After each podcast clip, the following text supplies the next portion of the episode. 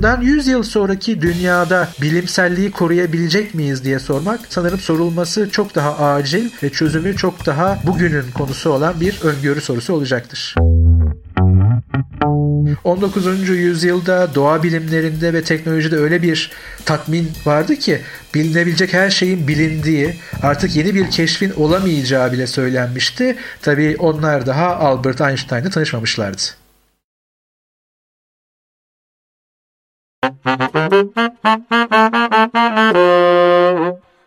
Hayatın denklemleriyle bilimin teorisi. Gayri safi fikirler. Her medeniyetin bir geleneği var ve insanlığı tek bir medeniyette buluştuğunu varsayarsak geleceği tahmin etme güdüsü bu medeniyetin ortak geleneği diyebiliriz.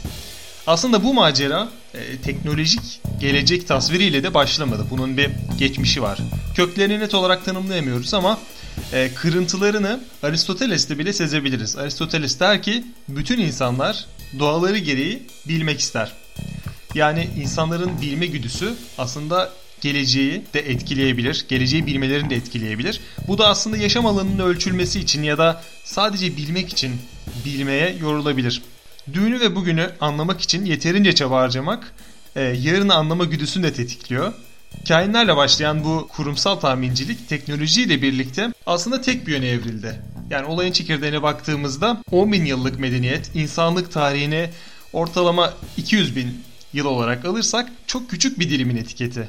Modern bilimse bu 10 bin yılın daha da küçük bir etiketi, daha küçük bir kısmını tanımlıyor. Son 500 yılında doğup serpiliyor. 30 yıl öncesinden bugüne dair yapılan bazı tahminler var ve bu tahminlerin şimdilerde olmasından ziyade bir sonraki 30 yılda dahi gerçekleşip gerçekleşemeyecek olması e, bu tahminlerin bilim kurgu yanının e, bilim kısmının kurguya biraz daha yenik düşmesiyle ilgili gibi görünüyor en azından benim görüşüm. Fakat tüm tasvirlerden önce insanlık tarihinin son anlarında yeşermiş bilim ve teknoloji bizleri fazla mı heyecanlandırdı acaba? Ee, son 500 yıl dediğimiz süreç aslında tam bir tarih vermek gerekirse 1543 ve 1687 sürecinin e, ürünleri diyebiliriz. E, bundan öncesinde elbette ki bir tür kehanet, gelecekten haber vermek, geleceği bilmek söz konusu olsa da aslında bir ilerleme tarihinden ve ilerlemiş bir insanlığın geleceğinden e, haber vermek veya bunu öngörmek çok söz konusu değildi. Bu süreci yani o son birkaç neslin e, geleceğe bakışını değiştiren o süreci kavrayabilmek için de aslında tarihsel ve sosyolojik olarak ve tabi bilim tarihsel olarak bir çerçeveye, bir kuramsal çerçeveye ihtiyacımız var. Bu çerçeve dahilinde bu sürece baktığımızda aşağı yukarı şöyle bir resim çıkıyor. İşte bu resmi ancak anladığımızda geleceğe yönelik bir ilerleme tahmininin veya öngörüsünün koşullarını anlayabiliriz. Modern bilimsel devrim süreci adı verilebilecek olan bu süreç biraz önce söylediğim gibi 1543 ve 1687 dönemini kapsamakta. Bu iki tarih nedir? Hemen sorulabilir. 1543 Kopernik'in e, göksel kürelerin dönüşleri üzerine başlıklı eserinin yayınlandığı ve bilimsel devrimin sembol metni olan bir astronomi çalışmasının yayın tarihi. 1687 ise Isaac Newton'ın e, eserinin yayınlandığı tarih ve bu tarih artık eskisi gibi olmayacağını dünyanın ilan edildiği en azından şu anda biz geriye baktığımızda bunu söyleyebildiğimiz tarih. Yani doğa felsefesinin matematiksel ilkelerinin yayınlandığı tarih. Böylece onlardan biraz daha önce e, geldiği söylenebilecek veya bunlara çağdaş olduğu söylenebilecek Francis Bacon ve René Descartes tarafından atılan modern düşünce sarmalında epistemoloji ile edimsel olarak bilmek birbiriyle kesişti. Yani biz bu problemi çözdük. Hangi problemi? Dünyayı bilme problemini. İşte bu momentte bu çözdüğümüz anda doğa felsefesi kendi alanında yani hangi alanlardı bunlar? Astronomi ve fizik alanlarında parçalı görünen problemleri deneysel içerikli, sınanabilir, öngörü gücüne sahip evrensel bir teori altında birleştirmeyi ve büyük oranda da çözmeyi başardı. Newton'un kütle çekim teorisi Aristoteles'in ve Batlamyus'un ikili evrenini tek bir büyük, bilinebilir, öngörülebilir ve hatta açıklanabilir evrene dönüştürdü. Artık insanlığın önündeki limit reel olarak da metaforik olarak da gökyüzüydü. Bu evrenin bilgisi gerçeklik hakkında bir biçimde deneysel olarak doğrulanan sistemli dünyevi bilgi üretme çabasına dayanmaktaydı ki bu çaba ideal bir hedef olmaktan ilk defa çıkıp başarıya ulaşmış bir girişim halindeydi Isaac Newton'la beraber. O kadar ki Biraz da tabii abartılı bulunabilir ama onun arkadaşı Alexander Pope'un e, Newton'un mezar taşı için yazdığı ama oraya yazılmamış olan o dizeler çok açıklayıcıdır veya da çok anlamlıdır. O şöyle demişti Türkçe'ye çevirirsek. Doğa ve doğanın yasası karanlıkta saklıydı. Tanrı Newton olsun dedi ve her şey aydınlandı. Bu söz başarıya ulaşmış bir çabayı en iyi taçlandıran söz olsa gerek ve bu esas aydınlanmayı yani bilgi problemini çözmüş insanın da kendine olan güveninin bir e, ifadesi olarak okunabilir. İşte bu aydınlanma teori ile deneysel olanın başarılı bir birlikteliğinden açığa çıkarken o dönemin terminolojisi aslında halen geriden gelmekteydi. Çünkü Newton'un eseri de halen doğa felsefesi kategorisi altındaydı. Dolayısıyla modern bilimsel devrim esasında doğa felsefesinde yaşanan bir devrimdi ve devrimin gerçek adı 19. yüzyılda konacaktı veya konmuştur. Devrim 1833'te yani Principia'dan 146 yıl sonra devrimsel bir farklılaşmayla scientist yani bilim insanı teriminin tedavüle çıkması ve artık doğa felsefesinden değil de bilimden yani science'dan söz edilmeye başlanmasıyla taçlandı. Dolayısıyla 1833'e kadar veya 19. yüzyıla kadar bu bilginin bize neler getireceği ve geleceğe dair nasıl bir projeksiyonu olduğu en azından genel bilinç seviyesinde yaygınlaşmamıştı. O yüzden bu tarihten öncesindeki gelecek öngörüleri daha çok ütopikti ve toplumsal sorunların çözüldüğü refah dolu bir geleceği e, en azından umut ediyordu. Oysa 19. yüzyıldan itibaren tamamen bilimsel gelişmeye ve teknolojik icatlara veya teknolojik olarak açığa çıkan e, materyallere dayalı bir gelecek tahayyülü başladı ki bizim bugün aslında öngörü dediğimiz ve geleceğe bir projeksiyon tutmaya çalıştığımız öngörünün kaynağı da burasıydı. Yani böylece epistemenin felsefenin ana dili olan antik Yunanca'dan Orta Çağ Latincesinin Scientias'ına dek süren serüveni spekülatif bir arayışın tarihi olarak geride kalırken bilginin standartı bilim sözcüğüyle beraber Newton fiziğinden türetilmeye başlanmıştı. Bunun tabi başka bir karşılığı daha oldu. Bu da nedir acaba? Bu da sosyal dünyadaki bir başka değişimdi. O da 1789'daki Fransız devrimiydi. Çünkü 1789'la beraber artık sosyal dünya veya beşeri dünyada da ya da bununla aynı anlama gelecek, bunu kapsayacak politik dünyada bir değişim söz konusu olunca ilk defa sosyal dünyanın da değişebileceği bilinç seviyesinde kavrandı. Böylece sadece bilime atfedilen veya orada filizlenen ilerleme düşüncesi bir şekilde toplumsal dünyanın da değişebileceği ve bu değişiminde ileriye doğru yani daha iyiye doğru olabileceği fikrine doğurdu.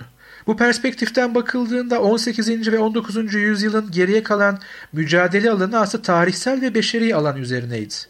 Doğaya ilişkin meşru bilginin nasıl ve kim tarafından üretildiği artık mesele değildi.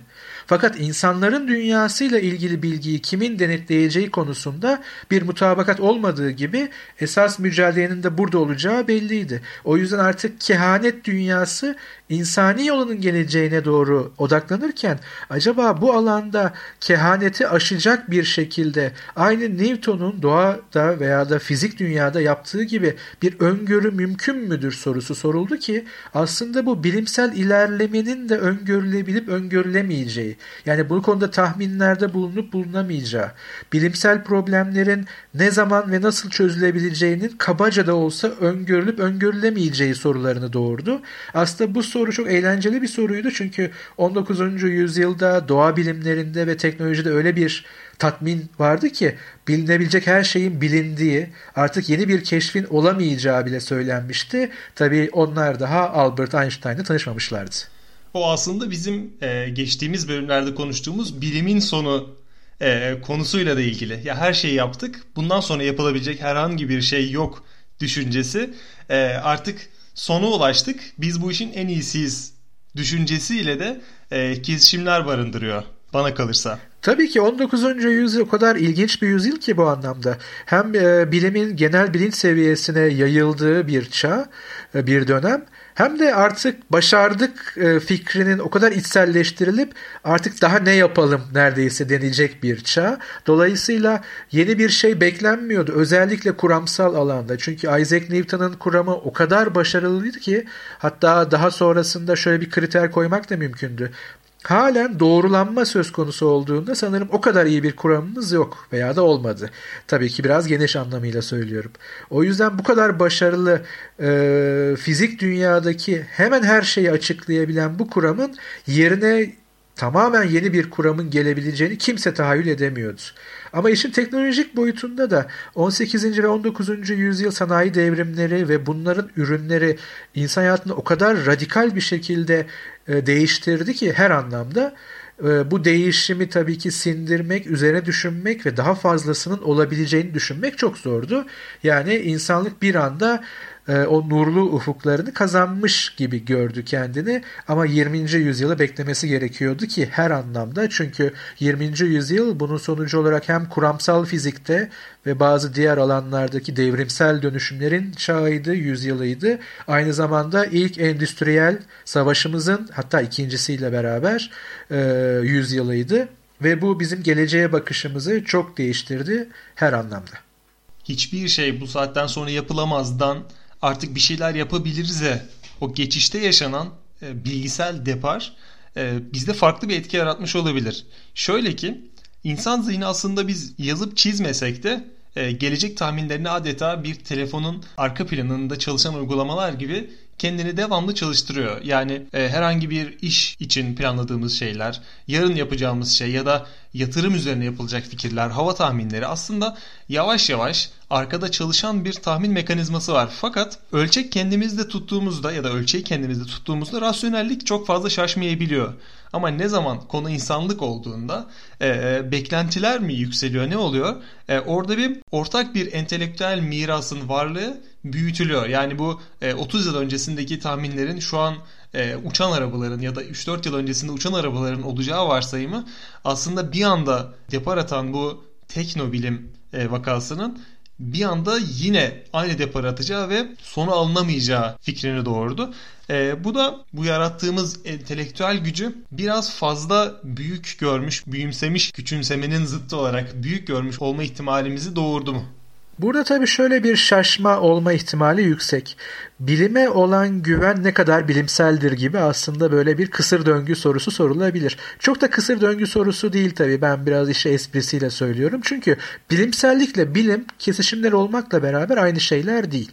Dolayısıyla bilimdeki yani her gün daha çok şey bildiğimiz ilerleme ve teknolojideki her gün daha çok şeyi daha kolay üretebildiğimiz veya daha çok pratik sorunumuzu çözebildiğimiz araç gereçlerle ilerlemeyi baz aldığımızda bu ayrı bir alan. Ama bilimsellik bilim üzerine düşünürken de bir tür meta e, düşünme biçimi olarak kullanılabilecek gerçeklikle bir tür ilişki kurma biçimi.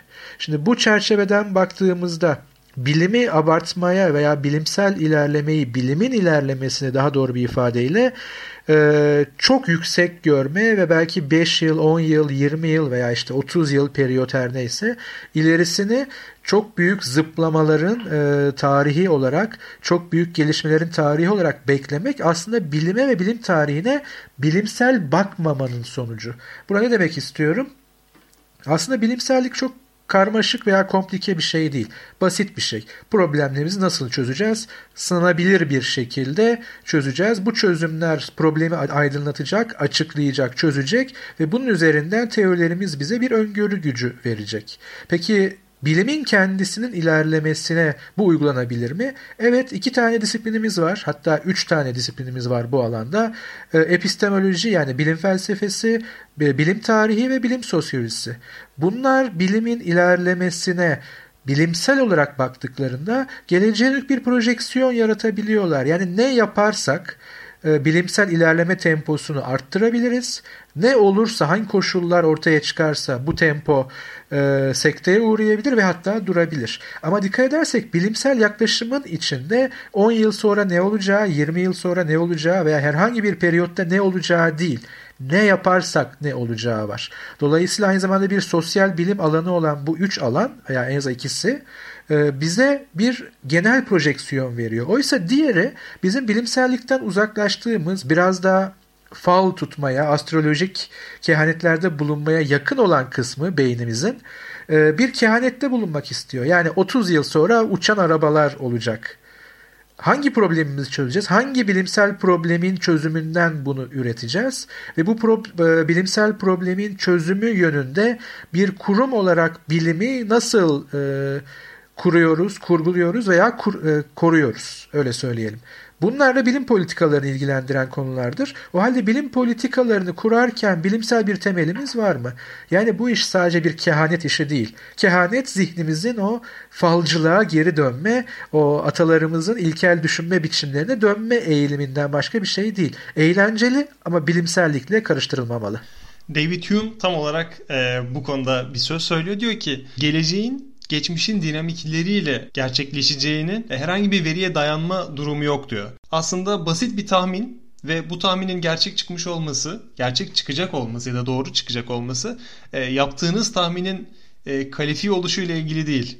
Yani tamamen geçmişte böyle olmuştu, gelecekte de böyle olur diye düşünmüşsünüzdür ve e, bu şans eseri gerçekleştirmiştir diyor. Tabii orada David Hume'un esas eleştirisi veya epistemolojik yani bilgi kuramsal tespiti nedensellik bağı üzerine bir tespit. Yani şimdiye kadar bir şeyin olmuş olması ard arda gelen iki e, olguyu gözlemlemenizden çıkmaktadır ve yarın bunun tekrar olacağı dair elinizde mantıksal bir zorunluluk yoktur. Sadece bir alışkanlığınız vardır. Kabaca bunu söyler. Ama David Hume'un ötesinde özellikle sosyal bilimlerde yani beşeri dünyanın geleceğini öngörmek noktasında bir başka problemimiz var nedensellik bağından e, biraz daha uzak veya onunla ilişkili olsa bile ondan farklı bir durum. Buna aslında Oedipus etkisi denmekte. Bunu kısaca şöyle açıklayabiliriz. Bilimin veya bilimselliğin veya teknolojinin geleceği konusunda da benzer bir etki acaba var mı diye düşünmeye değer. E, Auguste Comte belki de bilimi modellerken 19. yüzyılda bize şöyle bir şey söyledi ve bunu bilimden üretti. Kendisinin bir normatif yani ideal bir hedefi değil, bilimin gelişiminin doğal sonucu olarak olarak gördüğü bir şey. Dediği şuydu, her bilim öngörüye yol açmalıdır. Yani diğer bir deyişle öngörmek için bilim. Çünkü öngörmeyen bir bilim açıklayamıyor demektir veya da en azından çok da işlevsel değildir. Bize yarın ne olacağını veya aynı koşullar altında tekrar eden düzenliliklerin bilgisini vermeliydi. Bilim dolayısıyla öngörmesi gerekiyordu.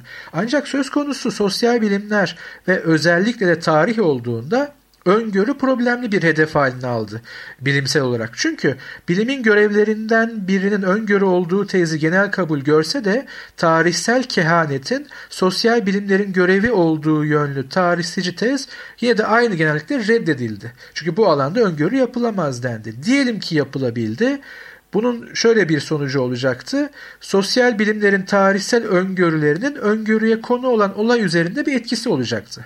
Buna da Oedipus etkisi adını verdiler. Bu ne demek? Sosyal bilimlerin öngörüleri üzerinden bir sosyal takvim yapıldığında bu takvim kaçınılmaz olarak bilinir hale gelecekti. Bu bilinirlik öngörülen olayların yönünü değiştirecek eylemlere sebep olacaktı. Bu da öngörünün yanlışlanması neden olacaktı. Bunu şöyle söyleyebiliriz.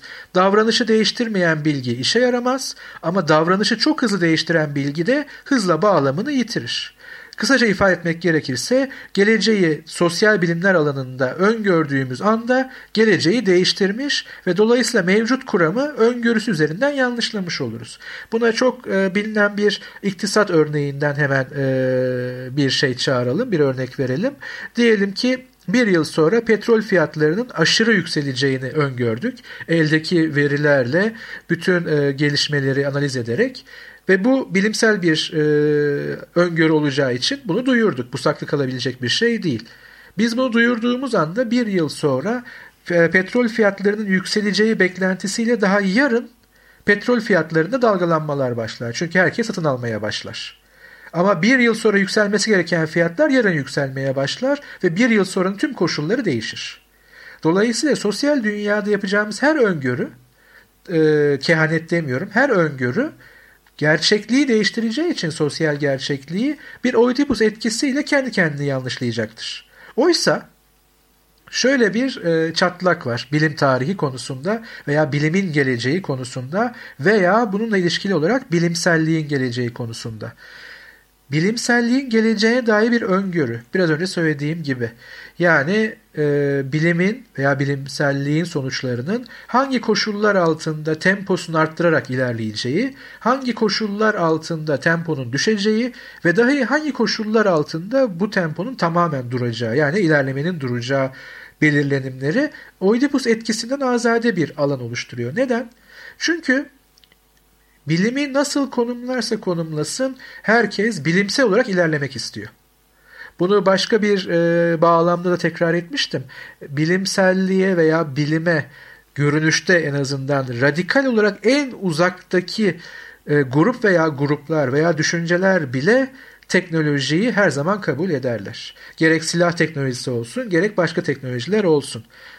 O zaman bunun daha ileri aşamaları veya bunun daha iyi modelleri her zaman istenir bir şeydir. Yani bilimsel ilerlemeyi herkes ister. Dolayısıyla bilimsel ilerlemenin hangi koşullarda gerçekleşeceğini öngören bir bilim dalı herkesin işine yarayacaktır ve geleceği değiştirecek bir şey değildir. Çünkü ancak tempoyu arttırma işlevi görebilir ve bilimin ilerleme temposunun artmasını da bilim düşmanları bile en azından teknoloji bakımından istemektedir.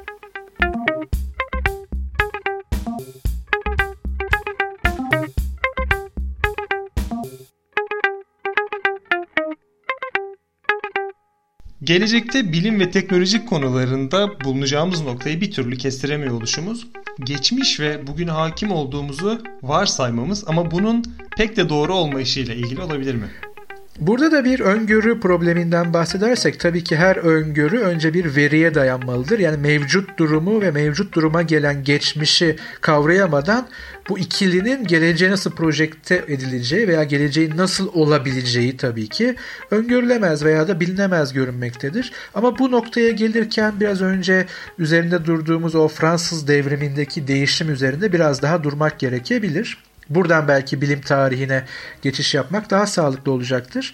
Odak noktasına bağlı olarak sosyal bilimlerin ya da bilgi kuramının kendi tarihi olarak görülebilecek sürece eşlik eden dışsal bir koşul veya da siyasal bir gelişme gibi görünmekte 1789 Fransız devrimi ve onunla açığa çıkan politik ve toplumsal düşüncedeki değişim. Fransız devrimi politik tarih içerisinde toplumsal ve dahi politik değişimin olağan olduğu düşüncesinin açığa çıkmasına yol açmıştır. Bu değişim olağan bilim tarihinin konusu olmadığı gibi çok dolambaçlı dolayımlar kurulmadığı sürece ilgisiz görünmektedir ilk bakışta. Oysa bu yargı hatalıdır. Çünkü odak ilerleme kavramı olarak alındığında bilimsel devrimin doğa bilimleri kökenli olarak açığa çıkardığı bu kavramın Fransız devrimiyle artık toplumsal olarak da sahiplenilen bir kavram haline geldiği görülmekte. İlerleme, sanayi devrimi ile gelişme ve kalkınma kavramlarıyla ayrılmazcasına bütünleştiğinde bilimin toplumsal konumu ve yeniden üretiminin tüm koşulları ve mekanizmaları da değişmiştir.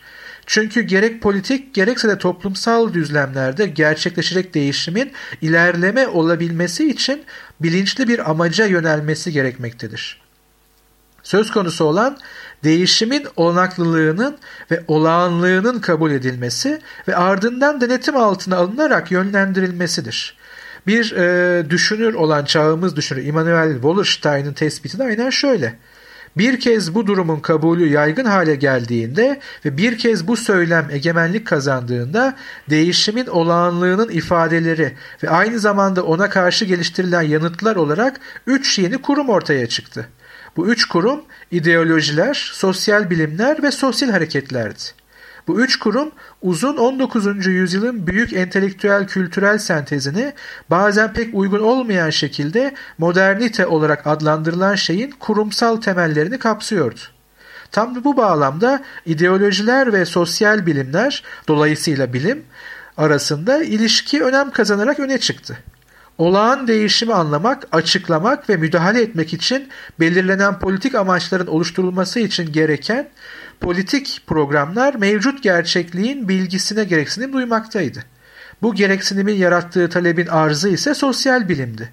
Çünkü dünyanın nasıl işlediği bilinmiyorsa dünyanın daha iyi işlemesini sağlamak için ne yapılması gerektiği konusunda önerilerde bulunmak da oldukça güçtü. Hatta bunu şöyle revize edebiliriz dünyanın gerek fizik dünyanın gerek beşeri dünyanın birbirinin parçası olarak nasıl işlediği bilinmiyorsa dünyanın daha iyi işlemesini ve nereye doğru gittiği konusunda bir öngörüde bulunarak ne yapılması gerektiği konusunda öneride bulunmak güç değil, neredeyse imkansızdır.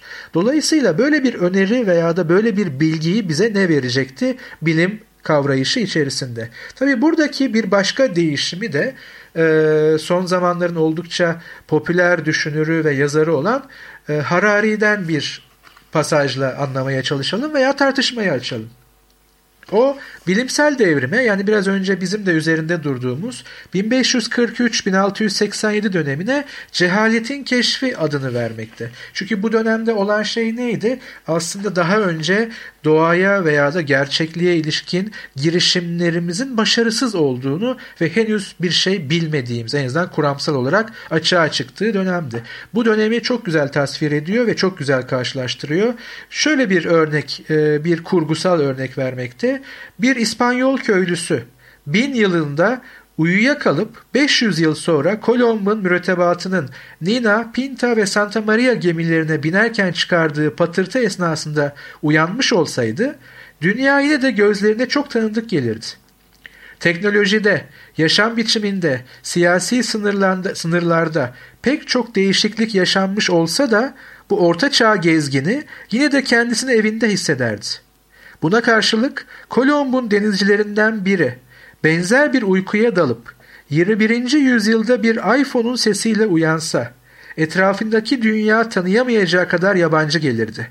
Kendi kendine yoksa burası cennet ya da cehennem mi diye sorabilirdi. Geçtiğimiz 500 yıl insan hakimiyetinin daha önce görülmemiş olağanüstü bir yükselişine tanık oldu. 1500 yılında dünyada yaklaşık 500 milyon Homo sapiens vardı. Bugünse bu sayı tam 7 milyardır. 1500 yılında insanlar tarafından üretilen toplam mal ve hizmetlerin bugünkü dolar üzerinden değeri yaklaşık 250 milyardı. Bugünse yıllık üretim yaklaşık 60 trilyon dolar. 1500 yılında insanlar günde 13 trilyon kalori enerji tüketirken bugünkü enerji tüketimi günde 1500 trilyon kalori. Bu değişim nasıl oldu veya nereden geldi? Bu çoğu için devrimsel bir gelişim olsa da aslında daha mütevazi bir gelişim de olabilir. Harari bu yüzden güzel bir başlık atmış bence. Cehaletin keşfi bilmiyoruz noktasından tekrar başlamak. Belki de Francis Bacon'ın ve e, dolaylı olarak René Descartes'in sorduğu soru. Aristoteles nerede hata yapmıştı? Tabi onun şahsında değil, tüm bir orta çağ boyunca nerede hata yaptık? Çünkü üç temel problemimiz vardı. Bilim veya bilimsellik bu üç temel problemin çözüm önerisini en başarılı bir şekilde bilgi temelli olarak bize sunan girişim. Bu üç problem neydi? Bilgi problemi yani cehaletimizi farkına varmadığımız dönemlerin problemi, adalet problemi ve onun altındaki üçüncü bir problem olarak problem olarak yoksulluk problemi. Şimdi bu üçünün çözümünün nasıl olduğunu artık biliyoruz. Dünyayı bilerek, gerçekliği bilerek. Onu nasıl bileceğimizi de biliyoruz. Bilimsel yöntemle veya bilimle. Bizim bilemediğimiz veya da bir türlü öngöremediğimiz bu yöntemin veya bilimselliğin geleceğini nasıl kuracağız? Onu nasıl koruyacağız? Yoksa e, dediğim gibi çok eğlenceli olmakla beraber bundan 100 yıl sonraki dünyanın teknolojik olarak nasıl bir dünya olacağını öngörmek yerine bundan 100 yıl sonraki dünyada bilimselliği koruyabilecek miyiz diye sormak sanırım sorulması çok daha acil ve çözümü çok daha bugünün konusu olan bir öngörü sorusu olacaktır. Gelecek tasvirlerinde her zaman unutulan şey aslında onun bir distopyaya dönüşebilme ihtimali. Harari de e, çoğu zaman geçmişin distopyasıyla bizleri uyarıyor ve uyardı e, kitabında. E, çoğuna katılmak mümkünken bazılarına e, çoğu insan katılmasa da bu tarz bir yaklaşımı var. Aslında bu distopya olarak görülmeyecek şey, e, görülmeyecek yaklaşım e, bizim tarihimizde zaten gerçekleşmiş bir durum. Bu da siyah kuğu yaklaşım olarak basitçe kavramsallaştırılabilir. Siyah kuğu yaklaşımı basitçe nereden geldiğini özetleyelim. Felsefi bir metafor aslında. Kişi kuğuları gözlemliyor. Ee, ilk kuğuyu görüyor. Beyaz olduğunu görüyor. İkinci, üçüncü, dördüncü, beşinci. Bine kadar kuğuları gözlemliyor ve hepsinin beyaz olduğunu görüyor. Ee, bu bilim insanı da hangimiz olsak aynı yorum yaparız. Bütün kuğular beyazdır diyor. Bu aslında pratik olarak doğru olsa da doğru olma ihtimali olmayan bir e, sav. Çünkü bir gün siyah bir kuğu ortaya çıkabilir ama şu ana kadar ortaya çıkmamış. Yani söylediği şeyi yanlışlamak mümkün değil. Ki bu da zaten Karl Popper'ın eleştirisidir. Fakat görünürde doğru olan bir sav ortaya sürüyor. Bu da aslında gelecek tasvirleri konusunda da ele alınmış. Siyah, siyah kuğu teorisi ortaya atılmış. Nasim Talip isimli bir bilim yazarı diyebilirim. Tam olarak kendisini tasnif edemedim. Tasvirine göre e, bu siyah kuğu her zaman göz ardı edilen bir tabir. E, bu yüzden de insanlık tarihinde her zaman e, tahmin edilemeyen şeyler olmuş. Birinci Dünya Savaşı, ekonomik krizler ve diğer insanlık krizleri aslında her zaman tarihin istediğimiz yönde gideceği varsayımıyla olaylara yaklaşmamız. Fakat tarihin bize her zaman siyah kuyu göstermesiyle e, bizlerin karşısına bir duvar örmesi sonucunu ortaya çıkarmış. E, bu da Harari'nin ortaya çıkardığı ve tarihin de bize gösterdiği geleceği tahmin etmenin her zaman e, mükemmel teknolojilerden değil de bir de distopik yanı olabileceği ve bunu da aslında şu an yaşıyor ya da geçmişte yaşamış olabileceğimiz ihtimal. Ee, kesinlikle zaten Harari'yi yine Harari'ye karşı kullanacak olursak bu anlamda e, onun yine çok önemli bir tespiti veya da işte o İspanyol köylüsünün belki de bu dünyada yaşamak istemeyeceği o manzaraya gelirsek o da 16 Temmuz 1945 sabahı saat 5.29'da ilk atom bombasının patlatılmasıydı. Yani atomu parçalayan bilgi veya da e, atomu parçalayacak teknolojiyi üreten bilim belki de insanlığın sonunu hazırlayan bir şeydi. Ama bu şu anlama gelmiyor. Bu bilimselliğin bir sonucu veya da e, insanlığın geleceği konusundaki son sözün bilime veya bilimselliğe bırakılmayacağı veya bu çerçevede tartışılamayacağı anlamına gelmiyor. Ama elbette gelecek ne kadar parlak olabilirse o kadar da karanlık olabilme potansiyeli taşıyan bir durumda. Çünkü henüz daha oluşmadı veya yazılmadı. Ama şunu tabii ki büyük bir güvenle söyleyebiliriz. Bunda bize tarih gösteriyor. Bilimsellikten her uzaklaştığımız adımda bilimselliği yaşamımızdan belirli bir mesafeye koyup hayır bilimden daha üstün şeyler var, bilimsellikten daha üstün şeyler var, bilme biçimleri var dediğimiz her anda aslında geleceği karartma ihtimalimizi yükseltiyoruz. Çünkü burada hep şunu e, gözden kaçırıyoruz sanki. Biz bilim veya bilimsellik dediğimizde o atom bombasının patlatan veya da o yola giden kuramsal fiziğin ve onun uygulamalarının tarihini görüyoruz. Oysa bunun ikinci bir boyutu daha var. Beşeri dünyada insanların kararları, bu dünyaya ve dolayısıyla birbirlerine bakışları. E, sosyal bilimlerde bu yüzden var. Acaba bu dünyanın bilimi olanaklı mı? Yani beşeri dünyanın.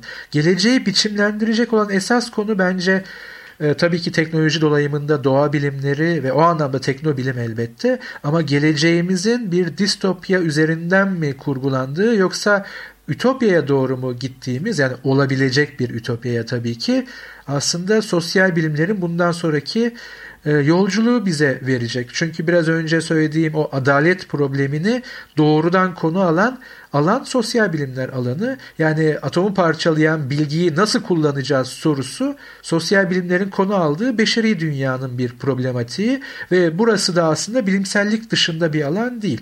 Belki de henüz sosyal bilimler konusunda yeterince başarılı olamadığımız ya da e, bu dünyaya dair sosyal bilimcilerin yeterince dinlenmediği bir çağ veya çağlarda yaşadığımız için hala geleceğimiz çok belirsiz.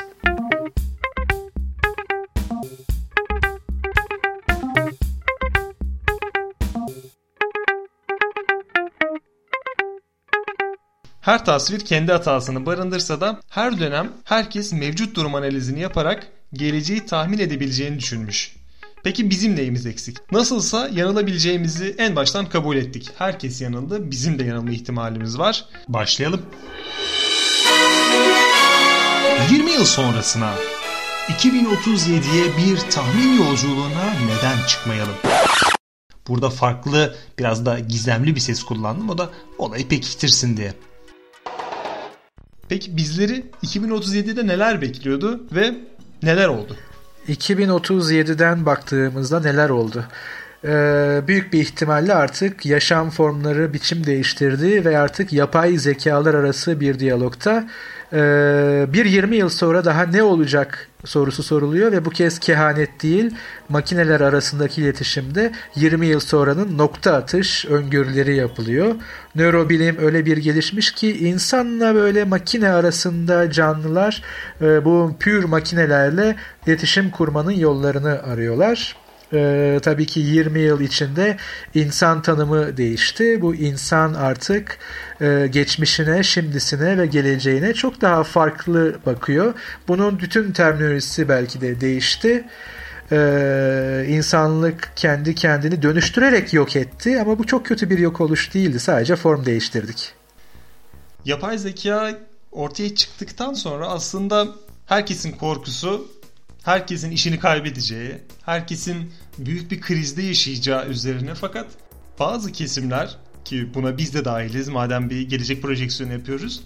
E, yapay zeka işlerimizi aldıktan sonra boşluğa düşmek yerine kendimize vakit ayırabilme şansı buluyoruz. Bu da aslında ortada yapılacak bir iş, yetiştirecek herhangi bir şey olmadığı için tamamen düşünmenin bir iş olduğu oturup bir şeyler üzerine bir şeyler yaratmaya çalışmanın bir iş olduğu o günleri getiriyor. Aslında çok ilginç bir şey. Çünkü bu yıllarda artık geçmişte satın alınan her şeyin zaten 2017'de de ortaya çıktığı üzere bir servis haline gelmesi, müzik dinlemenin e, satın almak satın almaktan ziyade e, belli bir para karşılığıyla servis haline gelmesi bu yıllarda artık hemen her konuda ortaya çıkıyor. Yani otomobilin yok, çünkü çok basit. Yine uçan arabalar tabiri yapılmıştı ama bu sefer gerçekten var. 1-2 ee, dakika içerisinde herhangi bir trafikle uğraşmadan, herhangi bir karbon salınımında bulunmadan gidebileceğim yere gidebildiğim için otomobilim de yok. Herhangi bir özel aracım yok. Özel mülk yani o konuda da çok emin değilim. Fakat bu yıllarda değişmeyecek bazı şeyler var. O da insani güdüler. Örneğin insanlarla dışarı çıkmak ve dışarı çıkarken de tabii ki eskiden de bir sportiflik göstergesi olan bisiklete binmek. Sanıyorum ki 2037'nin e, bütün ulaşım ağlarının gelişmesine e, rağmen yine gözde ulaşım aracı. Ee, her ne kadar sen uçan arabaları görüyor olsan da ben sürücüsüz arabaları tercih ediyorum. Uçan arabalara hala güvenmiyorum bu yıl itibariyle. Belki önümüzdeki yıllarda. Ama sürücüsüz arabalarda yapay zeka olduğu için e, bir trafik sorunumuz yok. Çünkü 2017'de olduğu gibi insanlar araba kullanmadığından bir trafik sorunu da yaşamıyoruz.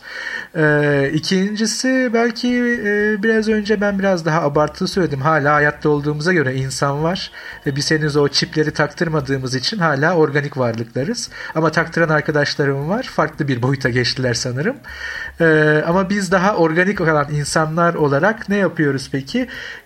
İki ihtimal var. Bir kısmımızın yaratıcılığı çok yükseldi. Tamamen sanat işleriyle uğraşıyoruz. Ee, bir kısmımız ise, ise mutlak atalete kapılıp sadece medyayı takip ediyorlar. Ee, bu medya tabii ki çok çeşitlendi. Artık herkes kendi televizyon içeriğini veya medya içeriğini binlerce, milyonlarca içerik içerisinden seçerek takip edebiliyor. Ama Organik kalan insanlar hala bilim programlarını değil de magazin programlarını tercih ediyorlar.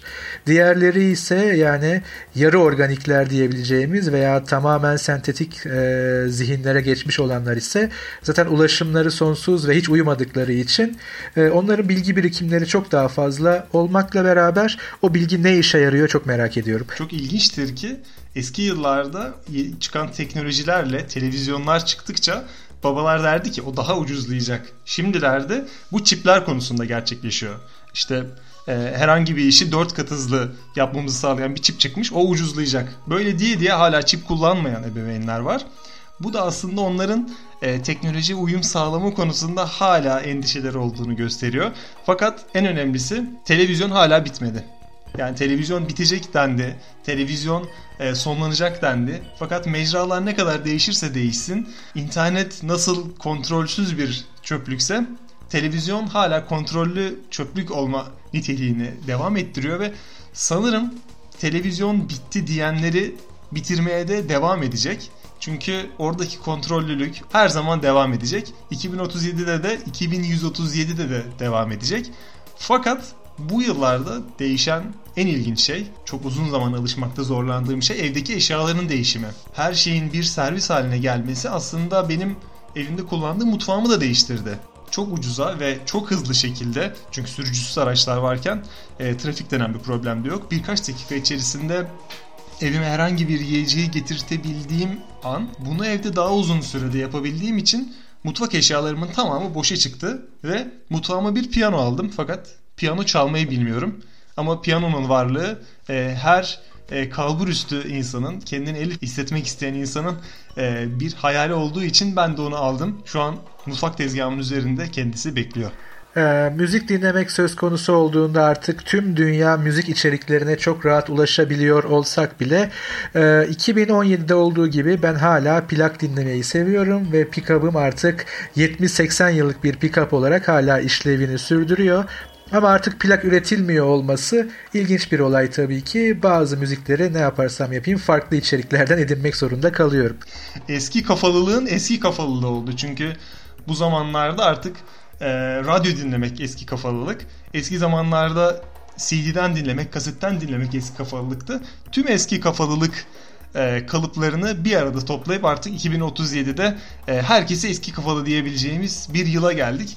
Bu da artık herkesin belli konularda yaşlı hissedeceği e, bir yılda olduğumuzu gösteriyor. Kimisi çip taktırmıyor, kimisi e, kendi yemeğini yapıyor, kimisi plak dinliyor. E, eski kafalılık çağımızın fonuna yerleşmiş durumda. Çağ her ne olursa olsun onun gereklerine göre yaşamak ama belki de en azından ince zevkler konusunda biraz geriden gelmek her zaman için daha iyi. Değişmeyecek iki şey var. Plaktan dinlenen müzik ve iyi bir kahve. 2037 umuyoruz ki böyle olur. En azından iyi yönleriyle böyle olur diyoruz. E, bu tasvirde bakalım 2037'de bizi dinleyecek olanlar varsa umuyoruz ki bizlere gülmezler. Şimdiden biz gülelim ki onlara çok bir şey kalmasın.